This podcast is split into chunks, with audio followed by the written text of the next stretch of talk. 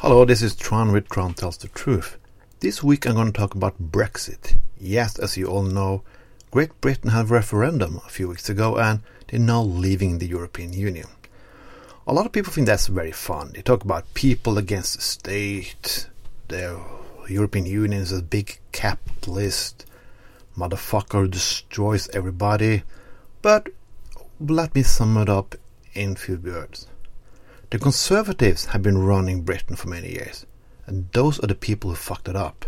You know that from the United States. So Conservatives always need something to blame, um, somebody to blame for all their problems.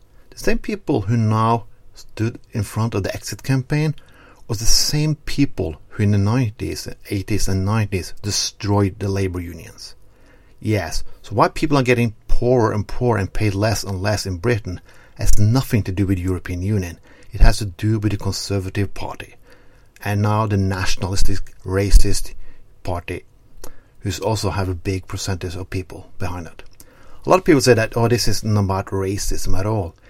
Well, Boris Johnson, who was the leader of the No campaign, or Leave the campaign as we can call it, said that the European Union was the same as Napoleon and Hitler. Yes, he did. European Union isn't perfect, but people who read history know that the what Europe has been for hundreds of hundreds of years. Let me see.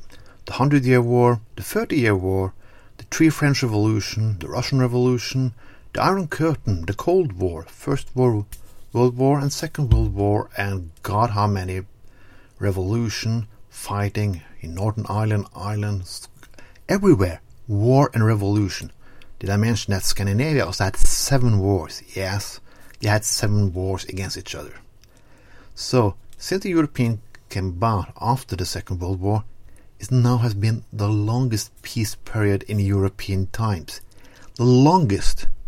You Americans talk about, yeah, the Pearl Harbor and 9 11. Yeah, that was normal in Europe. War, war, terror, war, war, and terror.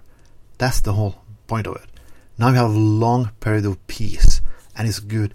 You're, it's a lot of good things who can be done with European Union. When people in the Leave campaign criticize the European Union, I can be agree. But what is really the alternative here in Europe? More stronger nationalistic states? I don't think so.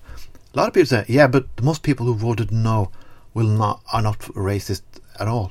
Yes, that's that's true.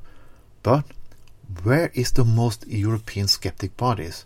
It is the racists all over. You have in Netherlands, you have Le Pen in France, and you now have Boris Johnson as a fuck up people in the nationalist part of Britain. A lot of people is they were very surprised. They always sit around and wait for somebody to do the radical stuff for them. But they don't go out and vote in the election where it does matter angry people vote in election and they get their will. If you are so angry over Brussels, why didn't you go out and vote for the local elections? Why didn't you go out for the parliament elections? Why did you say the Conservative Party to go and fuck themselves and the Nationalists to go and fuck themselves too? You didn't. And, well, as a lot of people now are happy, it's gonna be a good day tomorrow. It's just like a very big party. Nationalism can be very fun at one point because we feel together, we feel strong. But you don't get any sympathy. You doesn't you don't get a prize for for, for doing this. You don't. It's like those people who vote for Trump and come to me and say, you know what? We're going to take you tomorrow when Trump becomes president. Well, problem is that you who voted for that asshole, we don't get get a free pass either that politics, politics will affect you too. Think about that next time. And I will still here talk against the people on the left and the right who's against the European Union. I'm pro-European. I'm very European and I want Norway to become a member of the European Union. But I also want Europe and the European Union to get much better at what they do and than what they are today because there's a lot to take care of. This was Trond with Trond Told the Truth. See you next time.